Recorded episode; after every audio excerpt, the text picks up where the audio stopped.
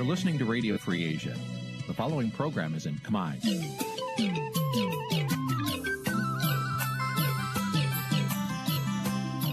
Nǐ chi càm bi tiệp xáy vệt chiu a zì sê នេះជាកម្មវិធីផ្សាយរបស់ Vithu Azisari ជាភាសាខ្មែរ វិទ្យុអាស៊ីសេរីសូមស្វាគមន៍លោកអ្នកនាងទាំងអស់ពីរដ្ឋធានី Washington នៃសហរដ្ឋអាមេរិក ចាប់ផ្សាយផ្ទាល់ពីរដ្ឋធានី Washington នាងខ្ញុំសុកជីវីសូមជម្រាបសួរលោកអ្នកនាងកញ្ញាដែលកំពុងតាមដានការផ្សាយរបស់ Vithu Azisari ទាំងអស់ជាទីមេត្រីចា៎យើងខ្ញុំសូមជូនកម្មវិធីផ្សាយសម្រាប់យប់ថ្ងៃច័ន្ទចាប់ពីកើតខែមិគសេឆ្នាំឆ្លូវត្រីស័កពុរសករាជ2565ចាប់ត្រូវនឹងថ្ងៃទី2ខែធ្នូគ្រិស្តសកចាប់ត្រូវនៅថ្ងៃទី6ខែធ្នូគ្រិស្តសករាជ2021ចាជាបឋមនេះសូមអញ្ជើញលោកអ្នកនាងស្ដាប់ព័ត៌មានប្រចាំថ្ងៃដែលមានមេត្តាដូចតទៅ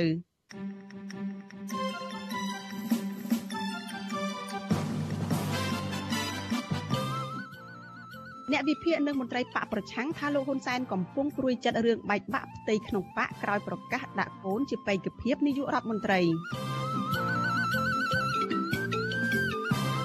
គ្រួសារជនរងគ្រោះទាមទារឲ្យអាជ្ញាធរបើកការស៊ើបអង្កេតដោយឯករាជ្យជំវិញករណីឃាតកម្មលោកស៊ិនខុន ក្រុមអង្គការសង្គមស៊ីវិលរួមគ្នាផ្សព្វផ្សាយបញ្ហាសិទ្ធិសេរីភាពរយៈពេល10ថ្ងៃអបអរទិវាសិទ្ធិមនុស្សអន្តរជាតិ10ធ្នូក្រុមអ្នកធ្វើការងារសង្គមជួបជុំគ្នាហូបអាហារសាមគ្គីបដិញ្ញាចិត្តបន្តសកម្មភាពដោយគ្មានការភ័យខ្លាចរួមនឹងព័ត៌មានផ្សេងៗមួយចំនួនទៀតចាជាបន្តទៅទៀតនេះនាងខ្ញុំសុជីវីសូមជូនព័ត៌មានទាំងនេះពិស្ដា ចលនានាងជាទីមេត្រីអ្នកវិភាគនយោបាយនិងមន្ត្រីគណៈបកប្រឆាំងថ្លែងថាលោកនាយរដ្ឋមន្ត្រីហ៊ុនសែនកំពុងព្រួយបារម្ភពីការប្រេះឆាផ្ទៃក្នុងគណៈបកកាន់អំណាចចាការលើកឡើងនេះធ្វើឡើងក្រោយពីលោកហ៊ុនសែនបានបដូរចិត្តពាក់ព័ន្ធនឹងការដាក់កូនប្រុសច្បងរបស់លោក ជាបេក្ខភាពនាយករដ្ឋមន្ត្រីទៅថ្ងៃខាងមុខចាអ្នកនាំពាក្យគណៈបកកណ្ដាលអំណាចថានេះមិនមានការប្រេះឆានៅក្នុងជួរបករបស់ខ្លួននោះឡើយចាសសូមស្ដាប់សេចក្តីរាយការណ៍របស់លោកទីនសការីយ៉ាអំពីរឿងនេះ មន្ត្រីគណៈបកប្រឆាំងនឹងនេះវិភាគនយោបាយមើលឃើញថាការដែលលោកហ៊ុនសែនបដូរចិត្តដាក់កូនរបស់ខ្លួនជាបេក្ខភាពនាយករដ្ឋមន្ត្រីថ្មីនៅពេលខាងមុខនោះគឺជាសញ្ញាប្រេះឆាផ្ទៃក្នុងគណៈបកកណ្ដាលអំណាចកាន់តែខ្លាំង។ប្រធានគណៈបកសង្គ្រោះជាតិខេត្តស្វាយរៀងដែលកំពុងតែភៀសខ្លួននៅប្រទេសថៃលោកម៉ៅវិបុលមើលឃើញថាមន្ត្រីជាន់ខ្ពស់គណៈបកប្រជាជនកម្ពុជាកំពុងតែប្រឆាផ្ទៃក្នុងខ្លាំងទើបបានជាលោកហ៊ុនសែនបន្ទន់អេរិយាប័តពីការដាក់កូនរបស់ខ្លួនជាបេក្ខភាពនាយករដ្ឋមន្ត្រីថ្មីនៅពេលខាងមុខនេះ លោកបន្ថែមថាលោកហ៊ុនសែនក៏ទំនងជាមានការស្ដីបន្ទោសពីចៅហ្វាយនារបស់ខ្លួន គឺវៀតណាមផងដែរបានជាលោកនិយាយត្រឡប់ត្រលិនយ៉ាងតក់ក្រហល់បែបនេះ ចង់បញ្ជាក់ថាលោកហ៊ុនសែនជាមនុស្សចង់វង្វេងហើយភ័យព្រួយពីអំណាចចឹងធ្វើឲ្យគាត់នឹងនិយាយទាំងខុសទាំងត្រូវហើយនិយាយកាន់តែរវើរវាយបន្ថែមទៀតនៅពេលដែលគាត់លើកឡើងរឿងដដែលដដែលហើយជន់ជន់គ្នានេះហើយគឺការវង្វេងស្មារតីរបស់គាត់ហើយព្រោះគាត់អាយុកាន់តែច្រើនហើយបាត់បង់ភាពម្ចាស់ការនឹងការសម្ដែងមតិហើយមួយទៀតព្រួយបារម្ភពីខាងគណៈបកប្រឆាំងដែលកំពុងតែមានអធិបុលថែមទាំងអន្តរជាតិកំពុងតែគៀបសង្កត់ទៅក្រុមលោកហ៊ុនសែន ប្រតិកម្មនេះធ្វើឡើងក្រោយពីលោកហ៊ុនសែនបានប្រកាសនៅក្នុងពិធីសម្ពោធដោយប្រើប្រាស់ផ្លូវជាតិលេខ11ជាផ្លូវការនៅខេត្តព្រៃវែងនៅព្រឹកថ្ងៃទី6ធ្នូថាការដែលលោកប្រកាសការពិពេលថ្មីថ្មីនេះពុំមែនមានន័យថាលោកដាក់កូនប្រុសច្បងរបស់លោកគឺលោកហ៊ុនម៉ាណែតដែលអាចចូលឈ្មោះជាបេក្ខភាពនាយករដ្ឋមន្ត្រីតែម្នាក់ឯងនោះទេលោកហ៊ុនសែនបញ្ជាក់ថាកូនប្រុសរបស់រដ្ឋមន្ត្រីក្រសួងមហាផ្ទៃលោកសខេងកូនប្រុសរបស់រដ្ឋមន្ត្រីក្រសួងការពារជាតិលោកទាបាញ់ កូនប្រុសរបស់ប្រធានប្រសិទ្ធិលោកសាយឈុំនិងកូនរបស់អនុប្រធានទី1រដ្ឋសភាគឺលោកជាមយិបជាដើមក៏អាចចូលឈ្មោះក្នុងតំណែងកម្ពូលនេះបានដែរប្រសិនបើពួកគេត្រូវបានជ្រើសរើសពីគណៈកម្មការអចិន្ត្រៃយ៍នៃគណៈបកប្រជាជនកម្ពុជា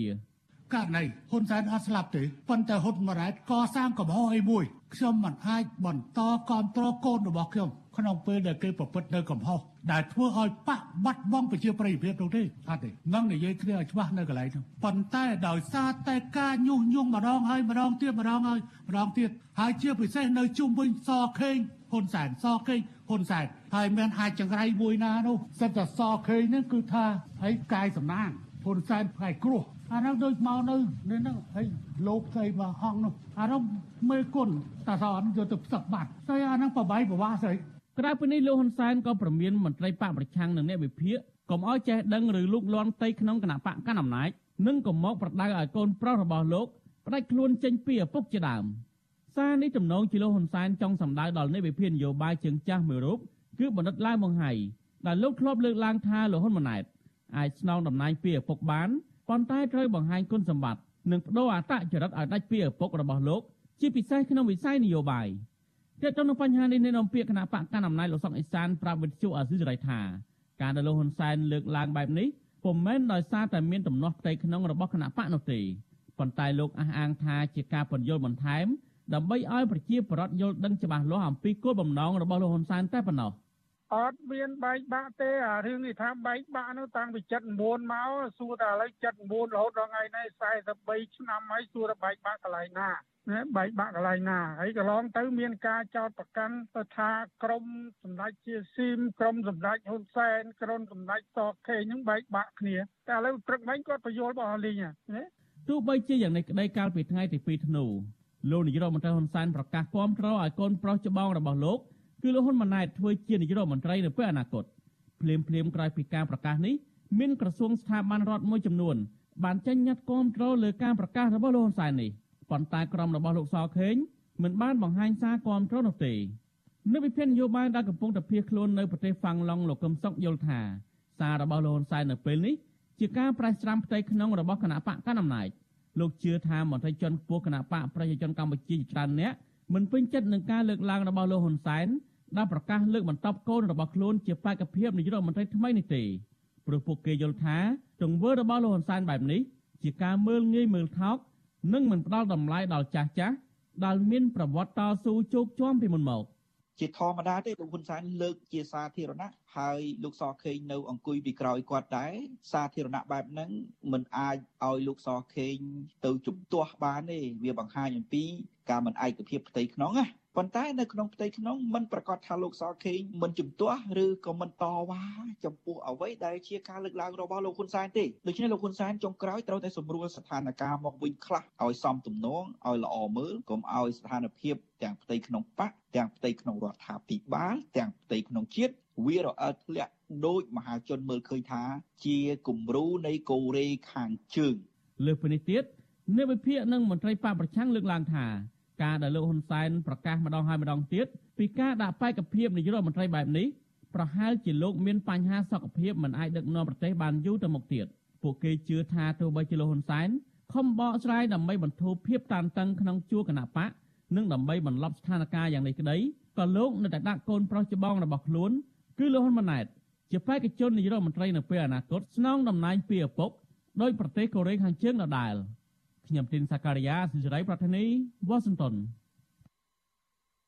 ចាលោកនាងប្រិមិត្តជាទីមេត្រីចាតកតងនឹងរឿងនេះដែរចានេះខ្ញុំនឹងមានសម្ភារផ្ទាល់មួយជាមួយនឹងអ្នកវិភាគនយោបាយចាគឺលោកកឹមសុខនៅក្នុងការផ្សាយរបស់យើងនៅពេលបន្តិចទៀតនេះចាយើងនឹងជជែកពិភាក្សាបន្ថែមថាតើមានអ្វីនៅពីក្រោយការលើកឡើងរបស់លោកយមត្រីហ៊ុនសែននៅថ្ងៃនេះចាសូមលោកនាងកុំភ្លេចតាមដានកិច្ចសម្ភារនេះនៅពេលបន្តិចទៀតនេះ thank you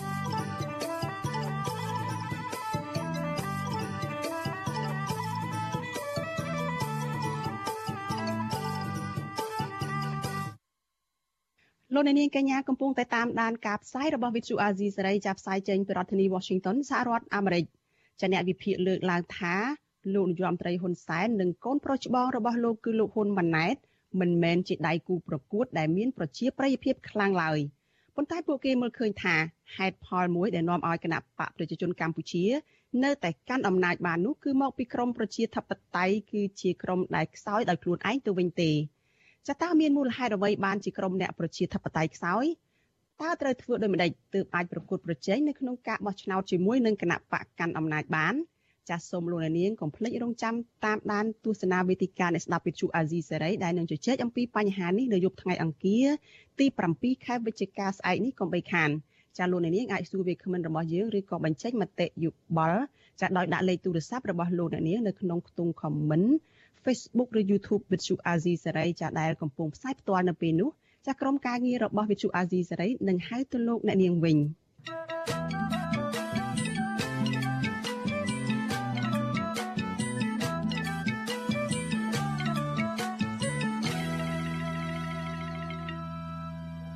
ចចាលោកនាងជាទីមេត្រីចាក្រមគ្រួសារជនរងគ្រោះចាទៀមទីឲ្យអាជ្ញាធរបើកការស៊ើបអង្កេតដោយឯករាជ្យជុំវិញករណីឃាតកម្មលើសកម្មជនគណៈបកប្រឆាំងគឺលោកស៊ិនខុន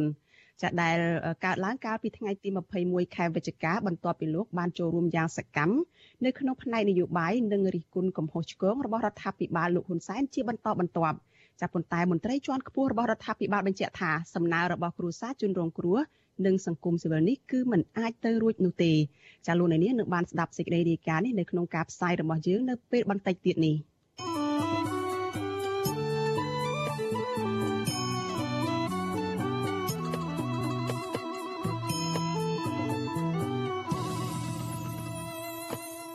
ចាលោកអ្នកនាងជាទីមេត្រីតកតងនឹងរឿងក្តីក្តាំនៅតុលាការឯនេះវិញចាសាលាដំបងរាជធានីភ្នំពេញនឹងបើកសវនកម្មជំនុំជម្រះក្តីសំណុំរឿងមេដឹកនាំនិងសកម្មជនគណៈបកប្រឆាំងជាទ្រង់ទ្រីធំ នៅថ្ងៃទី7ខែធ្នូស្អែកនេះចាំមេដឹកនាំគណៈបកប្រឆាំងនៅតែពុះពៀរកផ្លូវចូលទៅប្រទេសវិញ ដើម្បីតតាំងរឿងក្តីនេះនៅតុលាការនៅក្នុងសំណុំរឿងនេះចាតើមេដឹកនាំគណៈបកសង្គ្រោះជាតិស្វែងរកផ្លូវចូលទៅប្រទេសកម្ពុជាដើម្បីតតាំងរឿងក្តីនេះនៅតុលាការនោះយ៉ាងដូចម្តេចខ្លះចាសសូមលោកនាងរងចាំទស្សនាបទសម្ភាសន៍មួយជាមួយនឹងអនុប្រធានគណៈបកសង្គ្រោះជាតិអំពីរឿងនេះនៅពេលបន្តិចទៀតនេះ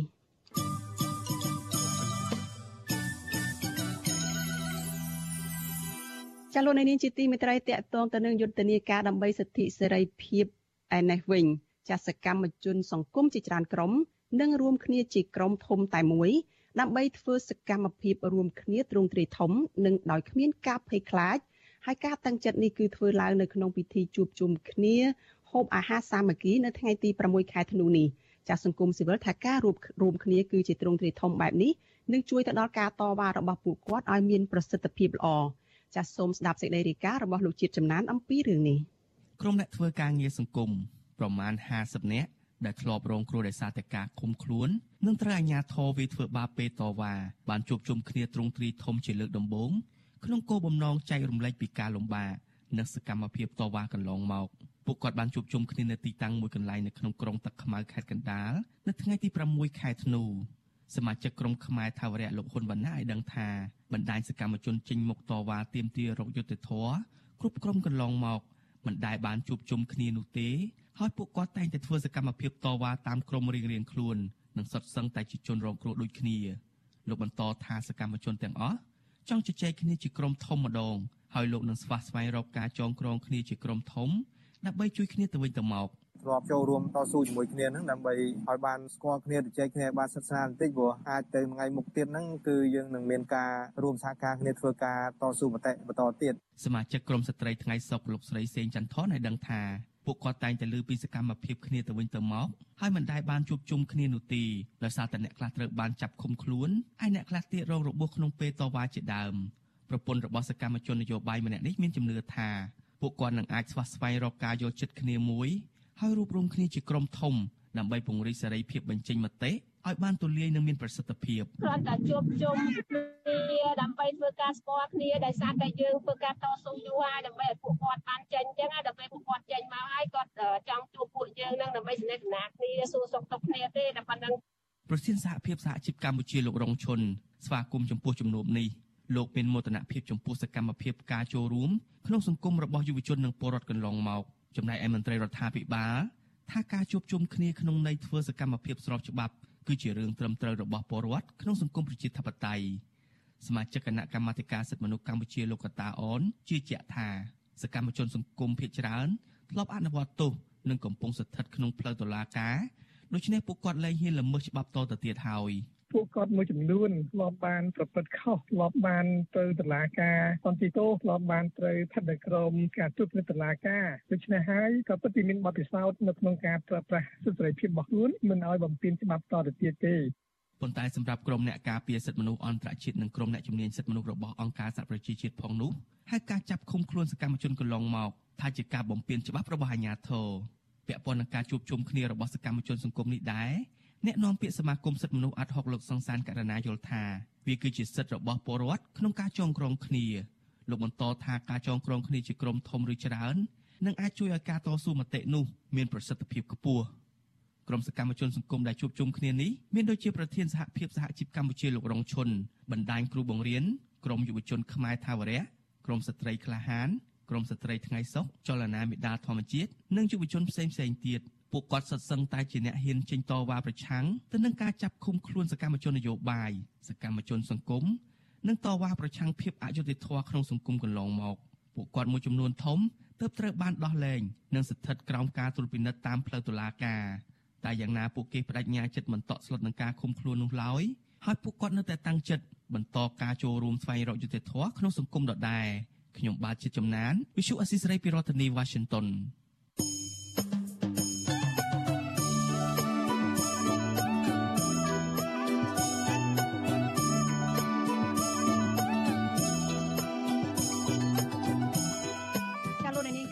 ទីមេត្រីចាដំណើរគ្នានឹងការផ្សាយផ្ទាល់តាមបណ្ដាញសង្គម Facebook និង YouTube នេះចាលោកនេះក៏អាចស្ដាប់ការផ្សាយរបស់វិទ្យុ AZ សេរីចាតាមរយៈវិទ្យុរលកធាតុអាកាសខ្លី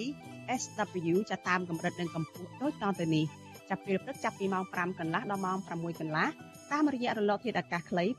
9390 kHz ស្មើនឹងកម្ពស់ 32m និង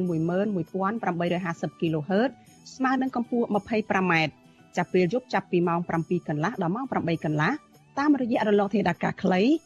9390 kHz ស្មើនឹងកម្ពស់ 32m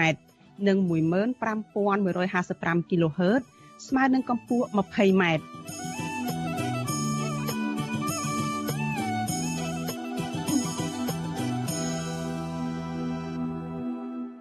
ចលនានាងជាទីមេត្រីសេចក្តីរាយការណ៍តាក់ទងនឹងករណីឃាតកម្មលើសកម្មជនគណបកសង្គ្រោះជាតិចាស់គឺលោកស៊ុនខុនឯនេះវិញ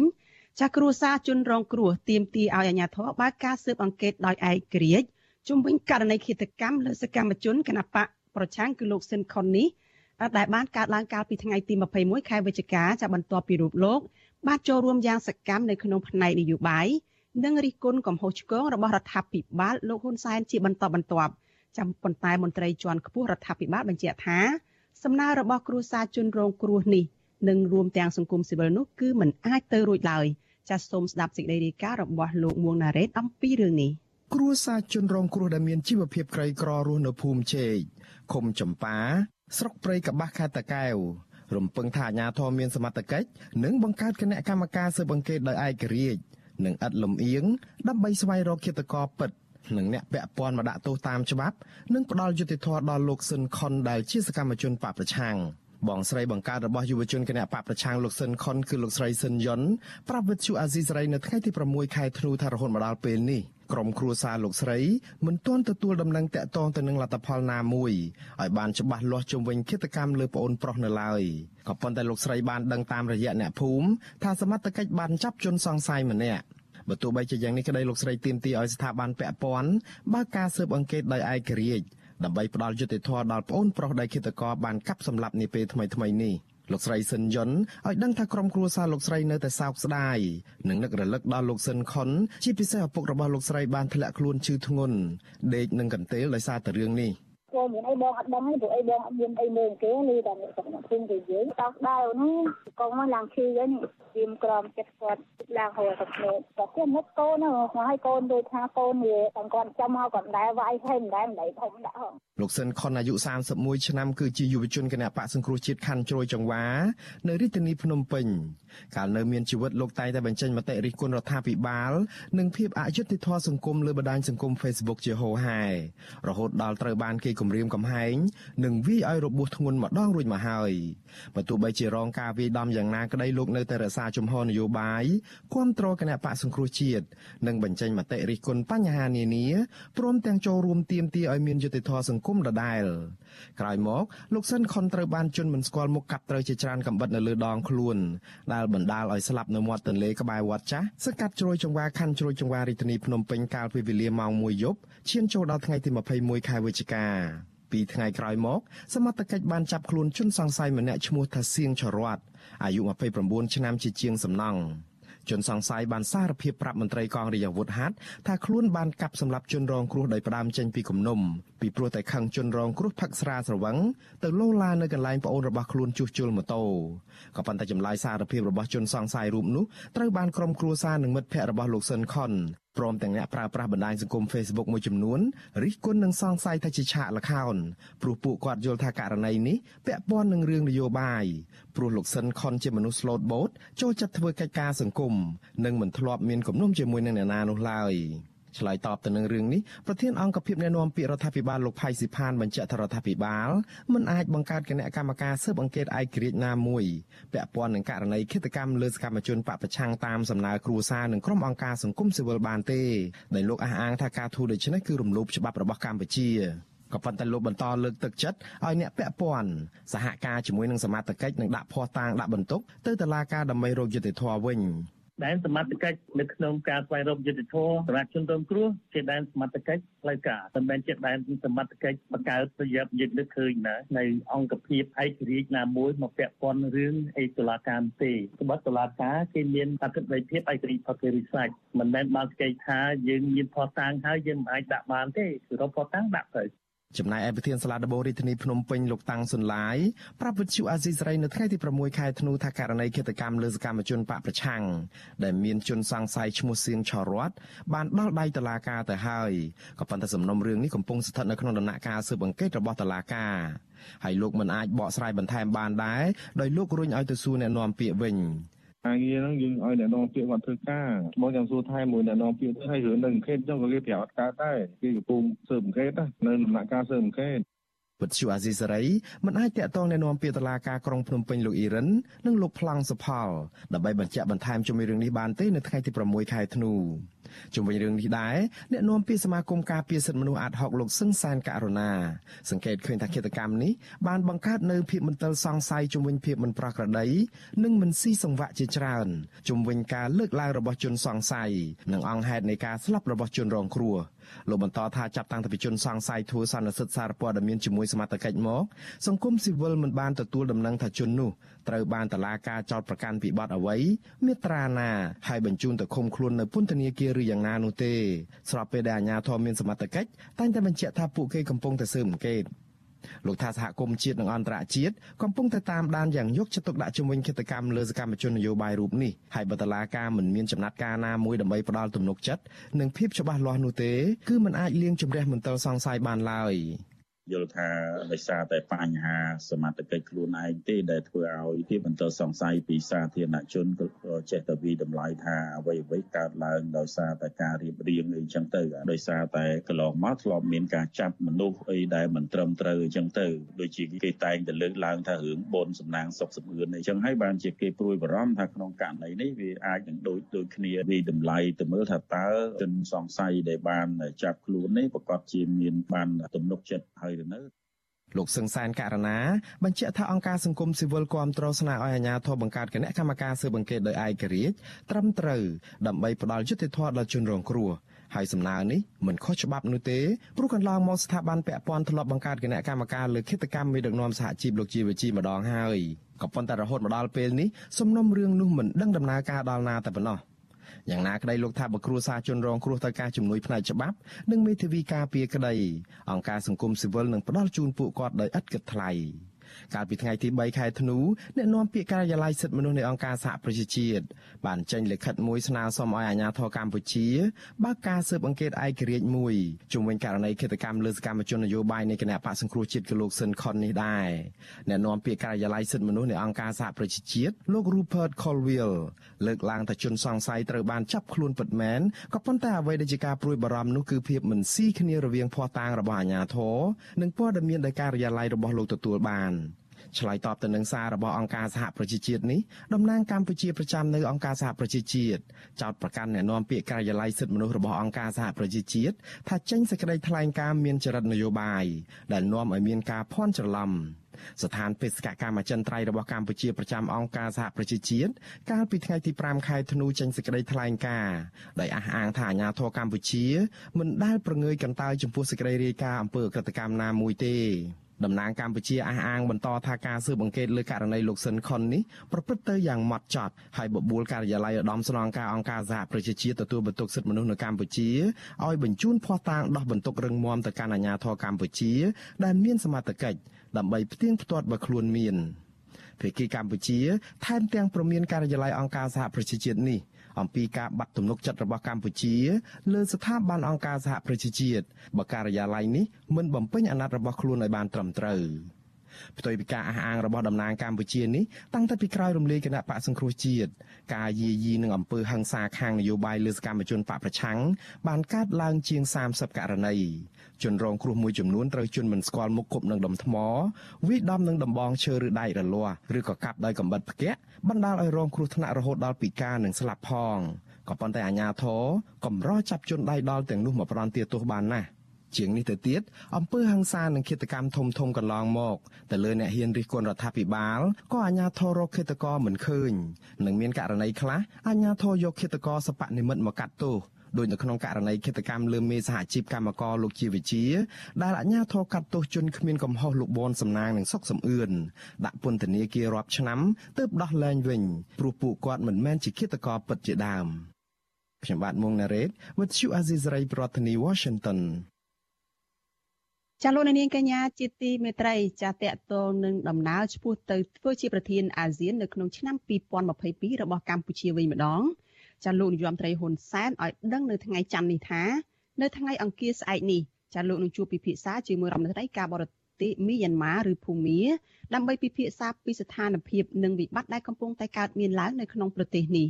ចាលោកហ៊ុនសែនអះអាងថាលោកនឹងរដ្ឋមន្ត្រីការបរទេសភូមា នឹងមានបញ្ហាជាច្រើនដែលត្រូវលើកមកជជែកពិភាក្សាគ្នាដើម្បីស្វែងរកលទ្ធភាពឲ្យភូមាវិលចូលរួមកិច្ចប្រជុំអាស៊ានបានឡើងវិញចារដ្ឋមន្ត្រីការបរទេសដែលតែងតាំងដោយរបបសឹកភូមាចាគឺលោកវុនណាមួងលីនបានមកដល់កម្ពុជាហើយនៅព្រឹកថ្ងៃទី6ខែធ្នូនេះចាដើម្បីបំពេញទស្សនកិច្ចរយៈពេល2ថ្ងៃ តាមគម្រោងលោកនឹងជួបជាមួយរដ្ឋនាយករដ្ឋមន្ត្រីហ៊ុនសែននិងរដ្ឋមន្ត្រីការបរទេសលោកប្រាក់សុខុននោះនៅថ្ងៃស្អែកចាដំណើរទស្សនកិច្ចរបស់ប្រមុខការទូតនេះគឺកើតមានឡើងស្របពេលដែលប្រទេសចិនកំពុងតែព្យាយាមបញ្ចុះបញ្ចូលឲ្យសមាគមអាស៊ានអនុញ្ញាតឲ្យមេដឹកនាំរដ្ឋប្រហារភូមាគឺលោកមីនអងឡាំងដែលក្រមប្រទេសលោកសេរីមិនទទួលស្គាល់នោះអាចឲ្យចូលរួមកិច្ចប្រជុំកម្ពុជាអាស៊ានតំណាងឲ្យប្រទេសភូមាឡើងវិញបាន។ ចាស់សមាគមអាស៊ានបានសម្រេចមិនអនុញ្ញាតឲ្យមេដឹកនាំរដ្ឋប្រហាររូបនេះចូលរួមកិច្ចប្រជុំកម្ពុជារបស់ខ្លួនជាបន្តបន្ទាប់ចាស់ក្រោយពេលដែលមេដឹកនាំរដ្ឋប្រហាររូបនេះនៅតែមិនព្រមបញ្ឈប់អំពើហិង្សាបន្ទាប់ពីបានដឹកនាំរដ្ឋប្រហារទម្លាក់អ្នកស្រីអង្សានស៊ូជីឲ្យចេញពីតំណែងកាលពីខែកុម្ភៈដើមឆ្នាំ2021នេះចាយ៉ាងណាលោកហ៊ុនសែនទំនងជាកំពុងតែប៉ុនប៉ងបំពេញបំណងតាមប្រទេសចិនក្នុងការគ្រប់គ្រងក្រុមមេដឹកនាំផ្ដាច់ការដូចគ្នា ឲ្យបានចូលរួមនៅក្នុងកិច្ចប្រជុំកំពូលអាស៊ានបានហើយដើម្បីឲ្យអន្តរជាតិនោះទទួលស្គាល់មេដឹកនាំរូបនេះចាលោកហ៊ុនសែននៅតែចោទសួរថាតើអាស៊ានសុកចិត្តបំផ្លាញផ្ទះខ្លួនឯងដើម្បីតម្រូវចិត្តដៃគូដទៃទៀតឬយ៉ាងណាចាចាប់តាំងពីខែកុម្ភៈមកយ៉ាងហោចណាស់ក៏មានពលរដ្ឋស៊ីវិលភូមានឹងជាង1300នាក់ត្រូវបានសម្លាប់និងមនុស្សជិត8000នាក់ផ្សេងទៀតត្រូវចាប់ដោយរបបសឹកភូមិយោធាក្រោយពីរដ្ឋប្រហារយោធានៅប្រទេសភូមានេះ ចាស់ជាបន្តទៅទៀតនេះចាស់នេះខ្ញុំនឹងមានសម្ភារផ្ទាល់មួយជាមួយនឹងលោកវ៉ាន់បូណា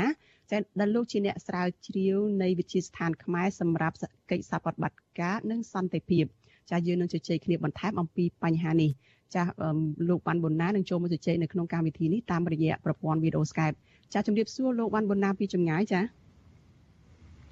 បាទសូមជំរាបសួរបាទ លោកបណ្ណាចាតកតងទៅនឹង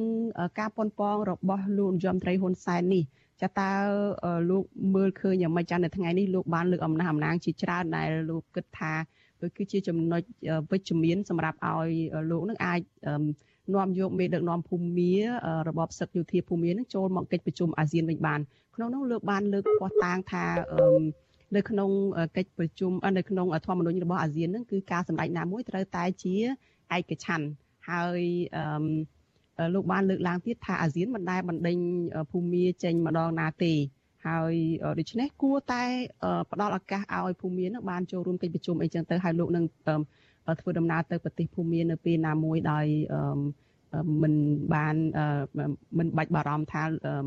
លោកនឹងមិនទៅនោះទេចាហើយ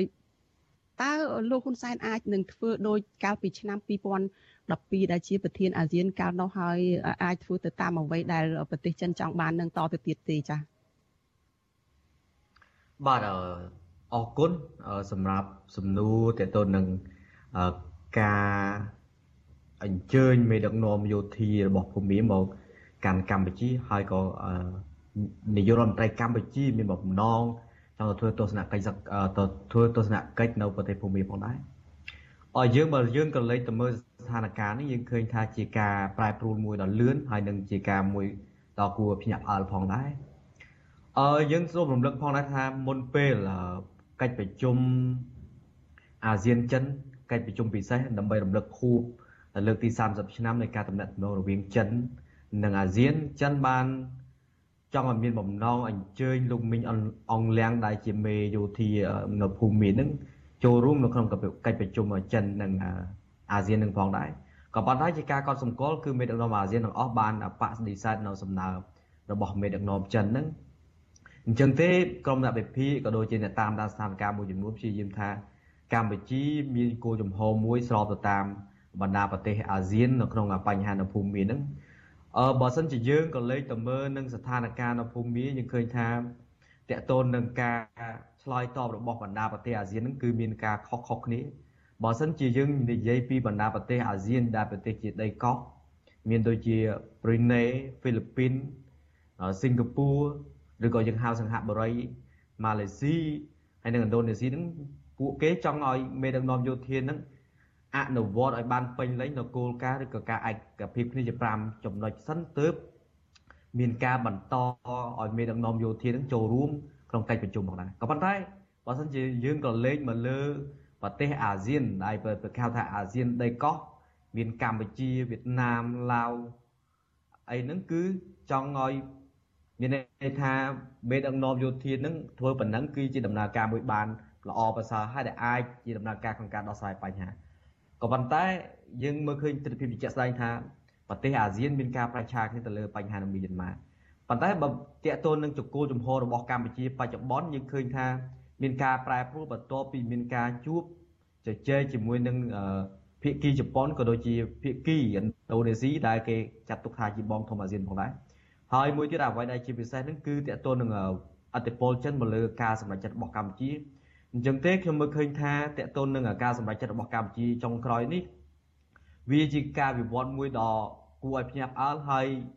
វាក៏ជាការចង់បានមួយរបស់ចិនផងដែរអញ្ចឹងខ្ញុំគិតថា ចង់មិនចង់កម្ពុជាប្រហែលជាទី1គឺចង់បង្ហាញពីគោលជំហររបស់ខ្លួនក្នុងការដោះស្រាយវិបត្តិនៅភូមិមាននឹងថាខ្លួនក្នុងនាមជាប្រធានអាស៊ានគឺដើរតួនាទីសំខាន់ដើម្បីដោះស្រាយបញ្ហានឹងបើសិនជាអាចដោះស្រាយបាយបញ្ហានឹងមែនកម្ពុជា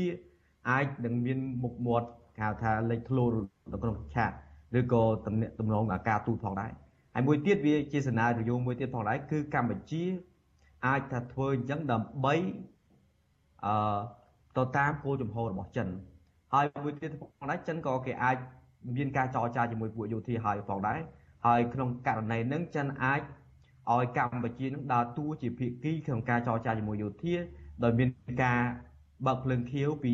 ពីចិនក្នុងការឲ្យពួកយោធានឹងសម្របខ្លួនទៅតាមអ្វីដែលកម្ពុជាចង់បាន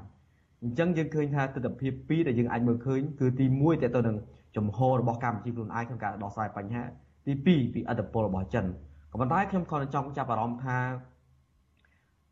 អ្វីដែលកម្ពុជាអញ្ជើញរដ្ឋមន្ត្រីការបរទេសដែលតែងតាំងដោយពួកយោធាមកដល់កម្ពុជានេះគឺមានន័យថាកម្ពុជាបានបង្ហាញពីជំហររបស់ខ្លួនហើយហើយក្នុងន័យការទូតមានន័យថាកម្ពុជាទទួលស្គាល់រួចស្រេចទៅហើយនៅរបបសឹកភូមិហ្នឹងហើយអ្វីដែលជាពិសេសទៀតបើសិនជាមេដឹកនាំកម្ពុជាធ្វើទស្សនកិច្ច ទៅមីយ៉ាន់ម៉ានៅពេលណាមួយខាងមុខគឺជាលើកទី1ហើយនៃមេដឹកនាំរដ្ឋាភិបាលរបស់ប្រទេសមួយដែលទៅជន់ទឹកដីភូមិហើយនេះគឺជាការទទួលគេថាទទួលស្គាល់ភាពស្របច្បាប់របស់មេដឹកនាំយោធាផងដែរអានេះជាខ្ញុំមើលឃើញប៉ុណ្ណឹងបាទចាចាលោកបណ្ណាលោកបានលើកឡើងពីថាមានប្រទេសមួយចំនួនក្នុងនឹងមានទាំងឥណ្ឌូនេស៊ីសិង្ហបុរីអីហ្នឹង គឺជាប្រទេសដែលមិនមិនទទួលស្គាល់របបសឹកភូមិទេហើយទាមទារឲ្យភូមិនឹងត្រូវតែអនុវត្ត5ចំណុចទៅតាមការទៀមទានៅក្នុងនឹងមានការបញ្ឈប់អំពើហិង្សាអីចឹងទៅមានការចេញមកសម្របសម្រួលដោះស្រាយបញ្ហាបន្តធ្វើម៉េចឲ្យមានការសន្ទនានយោបាយបញ្ឈប់ការចាប់ចងការធ្វើបាប ប៉ុន្តែនៅថ្ងៃនេះយើងដឹងហើយថានៅភូមិមានហ្នឹងគឺអ្នកស្រីអងសានស៊ូជីនឹងត្រូវតុលាការកាត់ទោសឲ្យជាប់ពន្ធនាគារ4ឆ្នាំតាក់ទងទៅនឹងបទអីញុះញង់អញ្ចឹងទៅហើយនេះគឺជាការធ្វើទុកបុកម្នេញមួយទៀតថ្មីទៀតដែលបង្ហាញដោយរបបសឹកភូមិនឹងតើការដែលកម្ពុជាឈានមកជំហានដោយតែលោកប៊ុនណាលើកឡើងហ្នឹងគ្រប់គ្រងចិនហើយចង់ឲ្យមានការទទួលស្គាល់ របបសឹកភូមិអីអស់ហ្នឹងតើនឹងមានភាពប្រទាំងប្រទើអីគ្នាយ៉ាងម៉េចនៅក្នុងបរិបទអាស៊ានហើយនឹងបរិបទប្រទេសលោកសេរីមួយចំនួនដែលមិនព្រមទទួលស្គាល់របបសឹកភូមិហ្នឹងចា៎បាទតកតូននឹងចំណុចនឹងផងដែរយើងឃើញថាវាមានចំណុចនឹងអាចមានផលប៉ះពាល់មួយចំនួនដែរតកតូននឹងចំហចុងក្រោយរបស់កម្ពុជាតកតូនហាមីយ៉ាន់ម៉ាទី1ដោយសារការសម្រេចចិត្តរបស់កម្ពុជាក្នុងការ អញ្ជើញមេដឹកនាំយោធាឬក៏រដ្ឋមន្ត្រីការបរទេសរបស់របបសឹកមកកម្ពុជានឹងវាក្រោយពេលដែលអង្គការសហប្រជាជាតិគេមិនទទួលស្គាល់ឡើយពីវត្តមានរបស់ក្រមយោធា ជាតំណាងស្របច្បាប់របស់មីយ៉ាន់ម៉ាអានេះជាផ្នែកមួយគេហៅថាបែបដើមបញ្ច្រាស់ទិសរវាងអង្គការសហប្រជាជាតិក៏ដូចជាជំហររបស់កម្ពុជាហើយប៉ះពាល់ទី1ទៀតគឺតកតងនឹងដោយសារកិច្ចប្រជុំអាស៊ានរាល់ឆ្នាំ ឆ្នាំណាក៏ដោយគឺតែងតែមានកិច្ចប្រជុំជាមួយនឹងដៃគូពាក់ព័ន្ធរបស់អាស៊ានជាមួយនឹងសហរដ្ឋអាមេរិកជាមួយនឹងជប៉ុនជាមួយនឹងបណ្ដាប្រទេសធំធំមួយចំនួនទៀតផងដែរអញ្ចឹងទេការទទួលស្គាល់ឬក៏អញ្ជើញមេដឹកនាំយោធាឲ្យមកចូលរួមកិច្ចប្រជុំនៅឆ្នាំ2012នេះវានឹងធ្វើឲ្យមានការប្រទាំងប្រទើគ្នាជាមួយនឹងអឺដៃគូពិភាក្សារបស់អាស៊ានថាតើគួរតែចូលរួមប្រជុំជាមួយអាស៊ានឬក៏ត្រូវពជាពេល ជាជាក់ស្ដែងកន្លងមកអាស៊ានក៏ដូចជា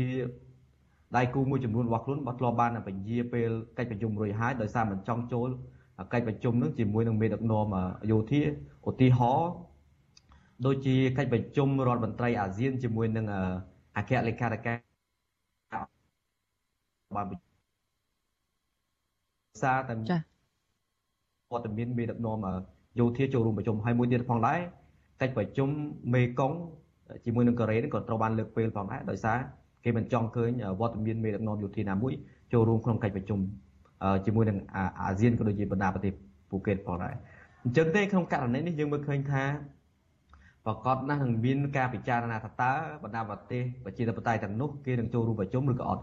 ក៏ប៉ុន្តែបើសិនជាយើងមើលពីទំនោរឬក៏ទស្សនវិជ្ជាជាក់ស្ដែងយើងឃើញថាប្រហែលជាបណ្ដាប្រទេស ទាំងនោះជាពិសេសប្រទេសសេរីគេនឹងមិនចូលរួមប្រជុំជាមួយនឹងមេដឹកនាំយោធាទេជាពិសេសក្នុងក្របខ័ណ្ឌអាស៊ានដែលមានមេដឹកនាំយោធាហើយចំពោះសហរដ្ឋអាមេរិកខ្ញុំមើលឃើញថាដោយសារលោកជូបៃដិនលោកយកមានគោលបំណងអញ្ជើញមេដឹកនាំអាស៊ានទៅចូលរួមកិច្ចកិច្ចប្រជុំអាស៊ាននិងសហរដ្ឋអាមេរិកនៅនៅទឹកដីសហរដ្ឋអាមេរិកដូច្នេះបើសិនជាមានវត្តមានពួកយោធាចូលរួមក្នុងកិច្ចប្រជុំនឹងអញ្ចឹងទេវាធ្វើឲ្យសហរដ្ឋអាមេរិកនឹង ប្រកាសជាអាចនឹងលើកពេលលើកិច្ចប្រជុំនេះព្រោះសហរដ្ឋអាមេរិកដែលជាប្រទេសមួយដែរសកម្មក្នុងការដាក់ទណ្ឌកម្មលើរបបសឹកហ្នឹងគេមិនចង់ឲ្យមានអ្នកដែលគេដាក់ទណ្ឌកម្មឬក៏អ្នកដែលជាមេដឹកនាំមិនស្របច្បាប់ហ្នឹងដែលធ្វើបាបប្រជាជនហ្នឹងគឺចូលចូលក្នុងតុចរចាឬតុប្រជុំជាមួយគេទេអានេះជាការគេហៅថាភាពប្រទាំងប្រទេសរវាងអាស៊ាននិងដៃគូពាក់ព័ន្ធរបស់ខ្លួនមួយទៀតគឺតកតននឹងចំហកម្ពុជាពេលនេះ ច្បាស់ហើយគឺប្រជាជនមីយ៉ាន់ម៉ាគេមិនសប្បាយចិត្តទេ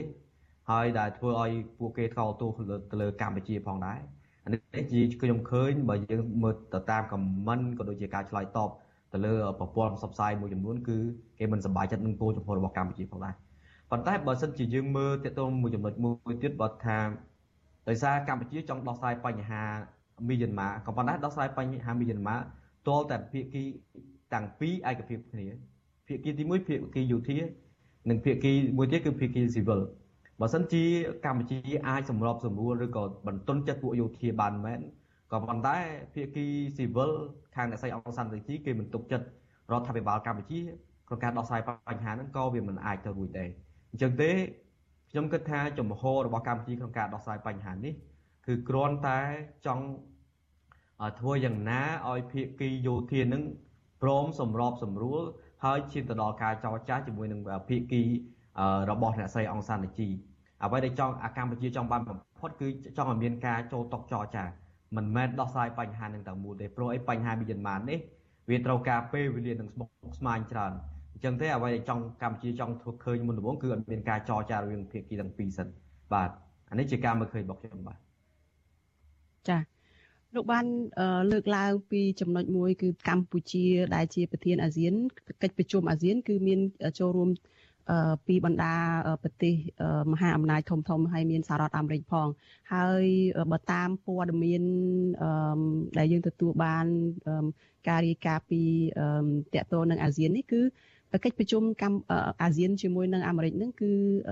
គ្រោងថាអាចនឹងធ្វើនៅលើទឹកដីអាមេរិកដូច្នេះប្រកាសណាថាមានការអញ្ជើញមេដឹកនាំអាស៊ាននឹងទៅទឹកដីអាមេរិកហើយកន្លងមកនោះលោកយមត្រីហ៊ុនសែននឹងតែងតែ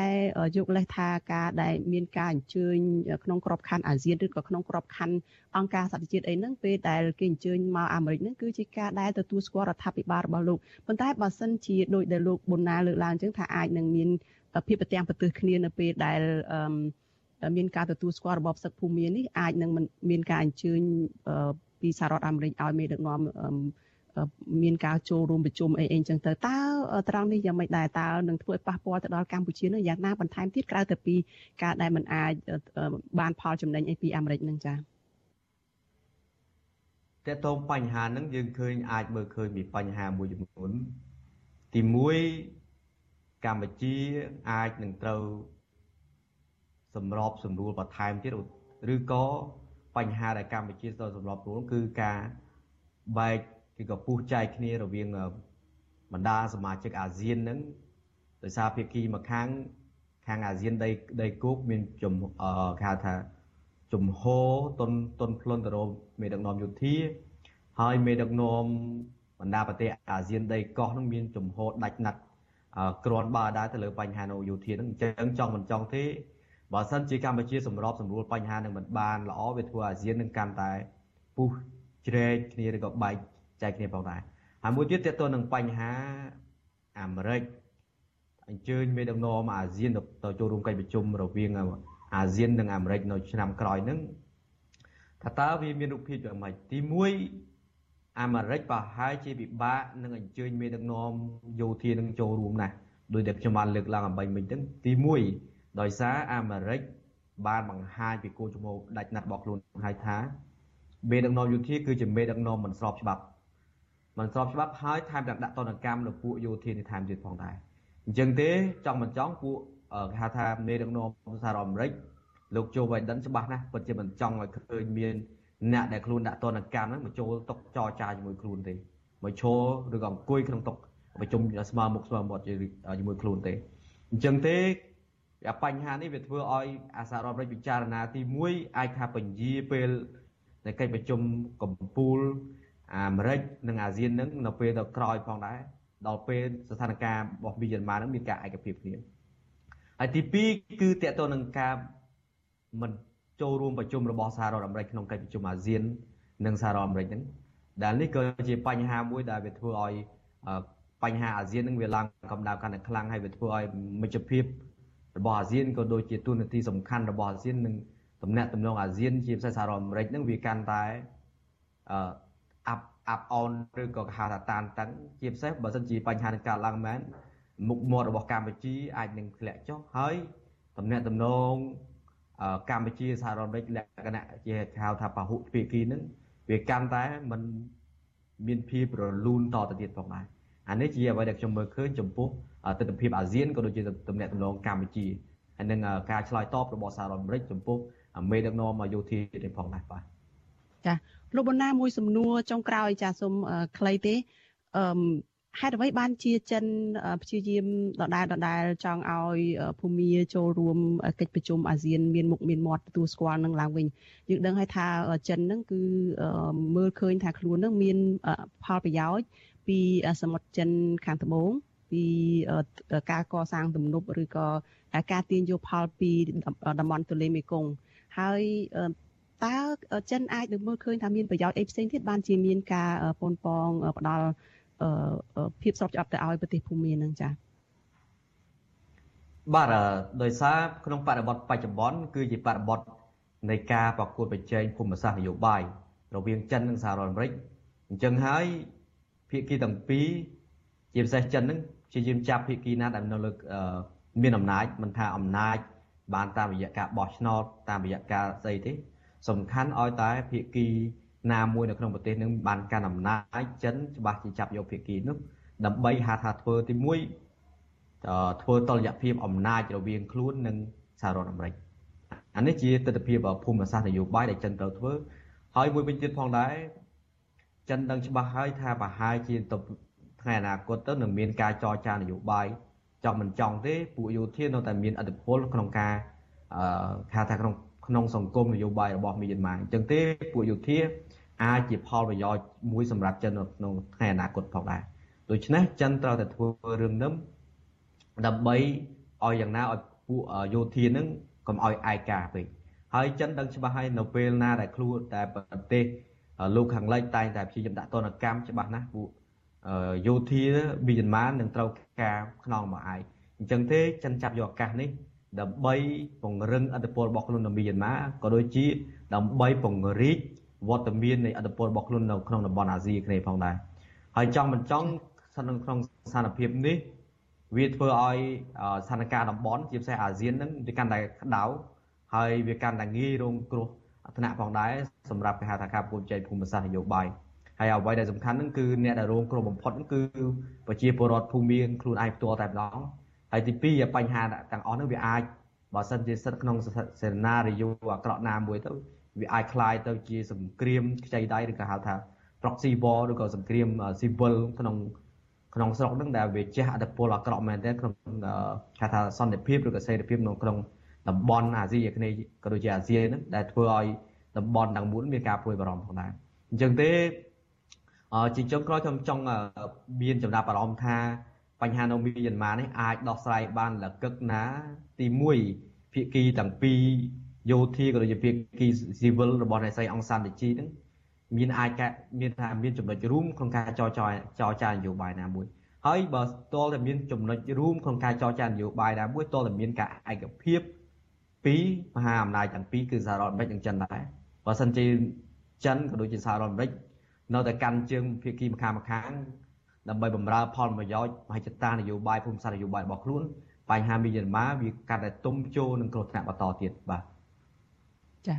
អរគុណច្រើនលោកវ៉ាន់ប៊ូណាចាដែលបានផ្ដល់ការសម្ភាសនៅយុគនេះចាសូមជម្រាបលាលោកត្រឹមប៉ុណ្ណេះចាជូនពរលោកសុខភាពល្អចាបាទសូមអរគុណសូមជម្រាបលា ចាលោកនាងជាទីមេត្រីចាក្រុមអង្គការសង្គមស៊ីវិលរួមគ្នាផ្សព្វផ្សាយបញ្ហាសិទ្ធិសេរីភាពរយៈពេល10ថ្ងៃដើម្បីអបអរទិវាសិទ្ធិមនុស្សអន្តរជាតិ10ធ្នូនៅថ្ងៃខាងមុខនេះចាពួកគេស្នើរដ្ឋាភិបាលគោរពសិទ្ធិសេរីភាពពលរដ្ឋដូចជាផ្ដល់ឱកាសឲ្យយុវជននៅក្នុងការរួមចំណែកជួយសង្គមជាតិទៅតាមគោលការណ៍ប្រជាធិបតេយ្យចាសូមស្ដាប់សេចក្តីរាយការណ៍របស់លោកលេងម៉ាលីអំពីរឿងនេះក្រុមអង្គការសង្គមស៊ីវិលយុវជន និងអ្នកវិភាគ រួមគ្នាផ្សព្វផ្សាយបញ្ហាសិទ្ធិសេរីភាពរយៈពេល10ថ្ងៃទៅកាន់ពលរដ្ឋមកទល់នឹងថ្ងៃទី6ធ្នូនេះយុទ្ធនាការផ្សព្វផ្សាយគឺមានរយៈពេល6ថ្ងៃមកហើយដែលក្រុងនឹងបិទបញ្ចប់នៅថ្ងៃទី10ធ្នូដែលជាខួបលើកទី73នៃទិវាសិទ្ធិមនុស្សអន្តរជាតិ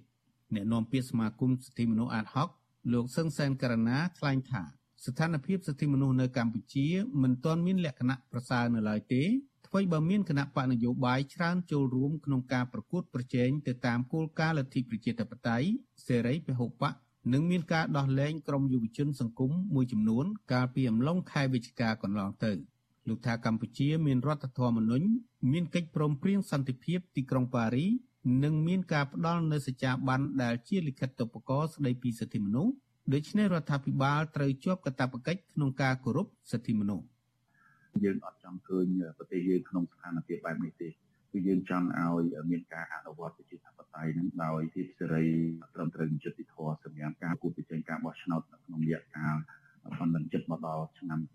2022ខាងមុខនេះបើកចំហទៅលើសេរីភាពសារព័ត៌មានសេរីភាពខាងអង្គការសង្គមស៊ីវិលហើយ ជំរុញឲ្យមានឯករាជ្យភាពខាងកងកម្លាំងប្រដាប់អាវុធក៏ដូចជាស្ថាប័នឯករាជ្យ3ដែលត្រូវតែឯករាជ្យដាច់ចេញពីគ្នាដើម្បីធ្វើការឆ្លោះបញ្ចាំងអំពីអំណាចទាំងអស់នោះឲ្យមានតុល្យភាពគ្នាដោយឡែកសកម្មជនបរិស្ថានលោកលីចន្ទរាវុធបានបង្ហាញក្តីព្រួយបារម្ភចំពោះបញ្ហារំលោភសិទ្ធិសេរីភាពធ្ងន់ធ្ងរនៅកម្ពុជាដែលអាចធ្វើឲ្យយុវជននិងពលរដ្ឋមានការភ័យខ្លាចក្នុងការចូលរួមកិច្ចការសង្គមលើពីនេះលោកថា រដ្ឋាភិបាលបានប្រើលេស COVID-19 ដើម្បីទប់ស្កាត់សម្លេងរិះគន់របស់ពលរដ្ឋចុងក្រោយដែលយើងឃើញច្បាស់ច្បាស់ហ្នឹងគឺនៅក្នុងប្រទេសកម្ពុជាហ្នឹងក៏មានការរំលោភបំពានសិទ្ធិមនុស្សធ្ងន់ធ្ងរដែរយើងសង្កេតឃើញថាមានការចាប់ខ្លួនសកម្មជនគណៈបកប្រឆាំងហ្នឹងទៅឃុំខ្លួនដោយមិនមានការសួរនាំឬក៏មិនមានការស៊ើបអង្កេតរឿងគាត់ឲ្យបានច្បាស់លាស់ទេហើយសកម្មជនសង្គមដូចជាខ្មែរថាវរៈសកម្មជនបរិស្ថានអីហ្នឹងបែរជាត្រូវបានចាត់ប្រកាន់ពីបទព្រំប្រទានបទញុះញង់ស្រដៀងគ្នានេះដែរ ប្រធានក្រុមអ្នកវិភាគវ័យក្មេងកញ្ញាលីស្រីស្រស់យល់ឃើញថាកម្ពុជាមានការធ្លាក់ចុះនៅស្ថានភាពសិទ្ធិសេរីភាព ជាពិសេសនៅក្រៅការរំលាយគណៈបកសង្គ្រោះជាតិកញ្ញាបន្តថាការរំលោភបំពានសិទ្ធិសេរីភាពនេះមានទំហំកាន់តែធំដោយឆ្លងទៅដល់ប្រទេសជិតខាងផងដែរជាក់ស្ដែងកម្ពុជាបានសហការជាមួយនឹងរដ្ឋាភិបាលថៃក្នុងការចាប់បញ្ជូនសកម្មជននយោបាយត្រឡប់មកកម្ពុជាជាដើម ទស្សនវិជ្ជានេះខ្ញុំមើលឃើញថាស្ថានភាពសិទ្ធិមនុស្សរបស់ប្រទេសកម្ពុជាចាប់ពីការរំលែកគណៈបកប្រឆាំងមករហូតហ្នឹងមិនត្រឹមតែធ្វើឲ្យមានការប៉ះពាល់ទៅលើដំណើរការប្រជាធិបតេយ្យទេប៉ុន្តែវាថែមទាំងមានភាពធ្លាក់ចុះទៅលើស្ថានភាពសេដ្ឋកិច្ចទៀតមានន័យថាទំនាក់ទំនងទៅលើស្ថានភាពសេដ្ឋកិច្ចជាមួយបណ្ដាប្រទេសប្រជាធិបតេយ្យហ្នឹងគឺយើងហាក់ដូចជាបាត់បង់សក្តានុពលនៅក្នុងការទទួលបាននៅផលប្រយោជន៍ផ្នែកសេដ្ឋកិច្ចជាការឆ្លើយតបនឹងការរិះគន់អ្នកនាំពាក្យរដ្ឋាភិបាលលោកផៃស៊ីផានអះអាងថា រដ្ឋាភិបាលមិនបានរំលោភបំពានសិទ្ធិមនុស្សដោយការចោទប្រកាន់របស់មតិមហាជន និងអង្គការសង្គមស៊ីវិលឡើយ។ទន្ទឹមនឹងនោះការរឹតបន្តឹងសិទ្ធិសេរីភាពដែលធ្វើឡើងមួយចំនួនក្នុងពេលកន្លងមកដូចជាការហាមឃាត់ការជួបជុំគ្នាច្រើនជាដើមគឺក្នុងបំណងអនុវត្តវិធានការសុខាភិបាលដើម្បីទប់ស្កាត់ការរាលដាលនៃជំងឺ Covid-19 ប៉ុណ្ណោះអង្គការក្រៅរដ្ឋាភិបាលខ្លាយទៅជានគរបាលហើយនគរបាលសម្រាប់តាមដានសម្រាប់វិប្រហារលើរដ្ឋាភិបាល រដ្ឋាភិបាលមិនដែលទៅតាក់ពីអ្វីនោះទេគាត់ចង់ថាម៉េចថាទៅប៉ុន្តែចរិតគណៈបកប្រឆាំងជាចរិតតែមួយចំនួនហ្នឹងគឺខ្ញុំមិននិយាយទាំងអស់ទេជាចរិតពុទាមសំបីសិទ្ធិក្នុងការបញ្ចេញយោបល់នៅសហរដ្ឋអាមេរិកក៏ទីបិទដែរដូច្នេះកម្ពុជាក៏អនុវត្តដូចគ្នាទេទោះជាយ៉ាងនេះក្តីនាយិកាប្រតិបត្តិនៃមជ្ឈមណ្ឌលសិទ្ធិមនុស្សកម្ពុជា អ្នកស្រីច័ក្កសុភាពថ្លែងថារដ្ឋាភិបាលត្រូវគោរពទៅតាមគោលការណ៍នីតិរដ្ឋដោយមិនត្រូវរំលោភបំពានសិទ្ធិមនុស្ស ហើយបែរជាបកស្រាយតាមអំពើចិត្តឬដើរមុខសញ្ញាក្នុងការបង្ក្រាបសម្លេងរិះគន់នោះឡើយ។អ្វីដែលយើងគួរតែរំលឹកថែមទៀតនេះយើងដឹងហើយថាសង្គមយើងបានរងនឹងការបាក់ស្បាតអំពីរបបជាច្រើនជាពិសេសរបបកល័យពុសាឬក៏ការគៀបសង្កត់អីជាដើមហ្នឹងដែលធ្វើឲ្យអ្នកចំនួនចាស់ភាគច្រើនហ្នឹងគឺគាត់មានការខ្លាចរអាគាត់បាក់ស្បាត អញ្ចឹងនៅពេលដែលមានករណីនៃការចាប់ខ្លួនចោទប្រកាន់ឬក៏ផ្ដំទៀតយុវជនអីជាដើមថែមទៀតហ្នឹងរឹតតែធ្វើឲ្យពុកម្ដាយឬក៏អាណាព្យាបាលហ្នឹងកាន់តែមានការខ្លាចរអាថែមទៀតឯង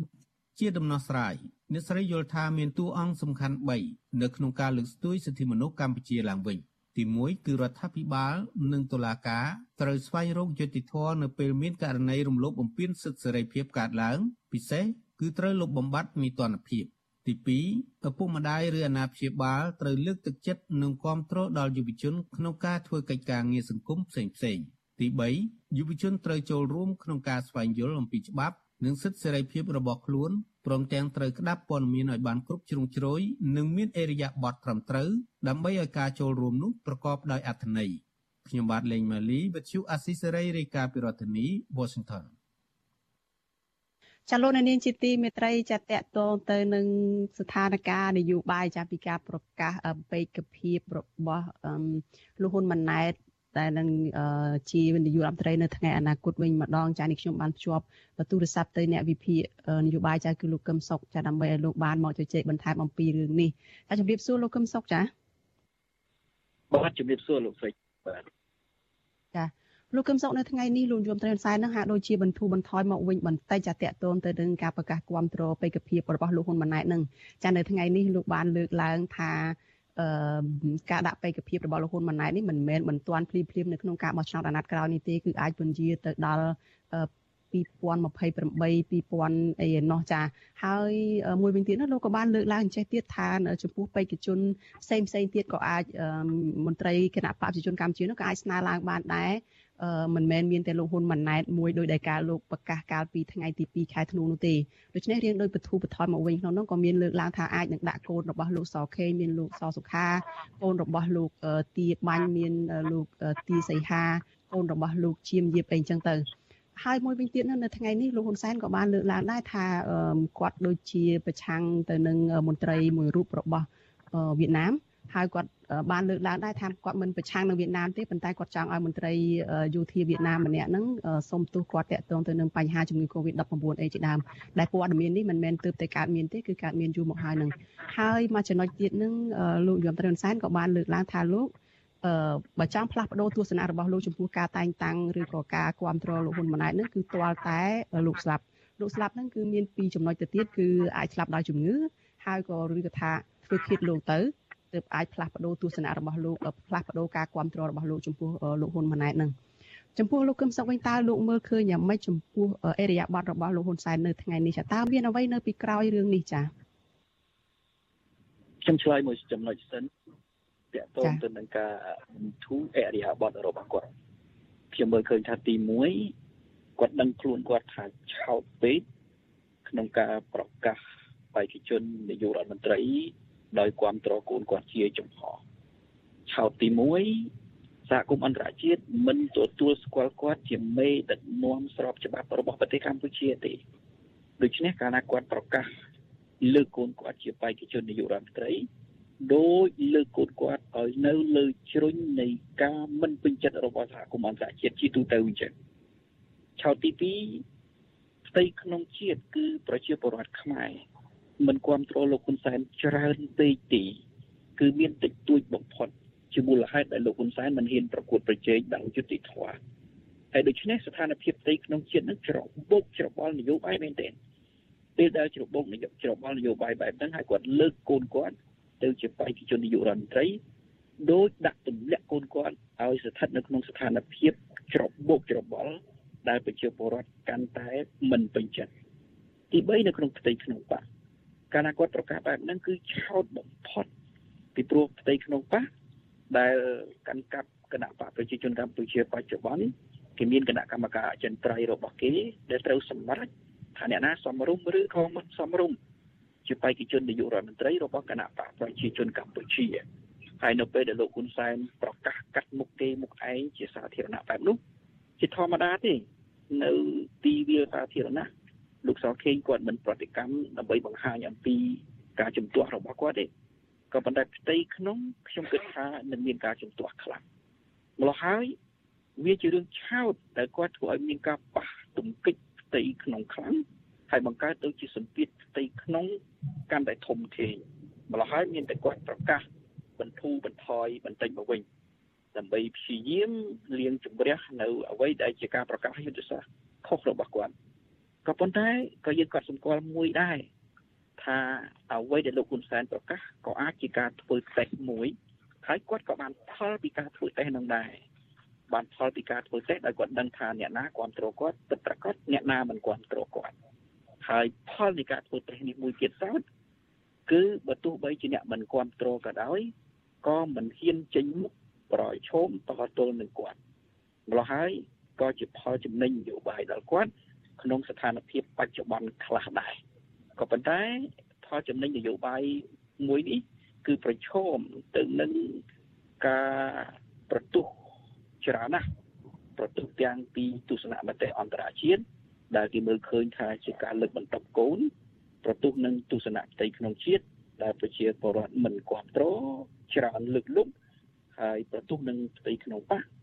ដែលបង្កើតទៅជាអរិភាពកាន់តែខ្លាំង ចាលោកគឹបសុកឮពីខាងនេះខ្ញុំទេចាបាទឮបាទចាដូច្នេះនេះជាអ្វីដែលលោកកឹមសុកលើកឡើងពីការបន្ធូរបន្ធូរបន្ថយរបស់លោកហ៊ុនសែននៅព្រឹកមិញនេះចុះចំពោះរឿងដែលលោកថាបើចង់ដូរទឹកចិត្តរបស់គាត់នឹងទាល់តែលោកស្លាប់អីចឹងទៅហើយមានការចេញមកតតាំងជាមួយនឹងមន្ត្រីវៀតណាមអីនៅពេលនេះតើបង្ហាញយ៉ាងម៉េចវិញចាស់កន្លែងនេះ ខ្ញុំមើលឃើញថាការប្រកាសដាក់ជីវិតស្លាប់សិនប្រសិនបើចង់ដូរទស្សនៈរបស់គាត់អាចមានរឿងពីរយ៉ាងរឿងទី1គាត់ចង់ប្រកាសប្រាប់ផ្ទៃក្នុងរបស់គាត់ថាគាត់រៀបចំរឹងមាំអស់ហើយហើយអ្នកណាជំទាស់គាត់មិនអាចបន្ធូរដៃឲ្យទេហើយអ្នកណាចង់តទល់គាត់តែដាក់ជីវិតតទល់នឹងគាត់ទើបអាច ផ្លាស់ប្ដូរទស្សនៈរបស់គាត់បានទី1ទី2វាអាចមានការជំទាស់ពីមិត្តភ័ក្តិដ៏ជិតស្និទ្ធរបស់គាត់គឺវៀតណាមវៀតណាមអាចជំទាស់នឹងគំនិតរបស់គាត់នៅក្នុងការលើកលោកហ៊ុនម៉ាណែតឲ្យទៅជាបេក្ខជននាយករដ្ឋមន្ត្រីហេតុអ្វីបានជាវៀតណាមអាច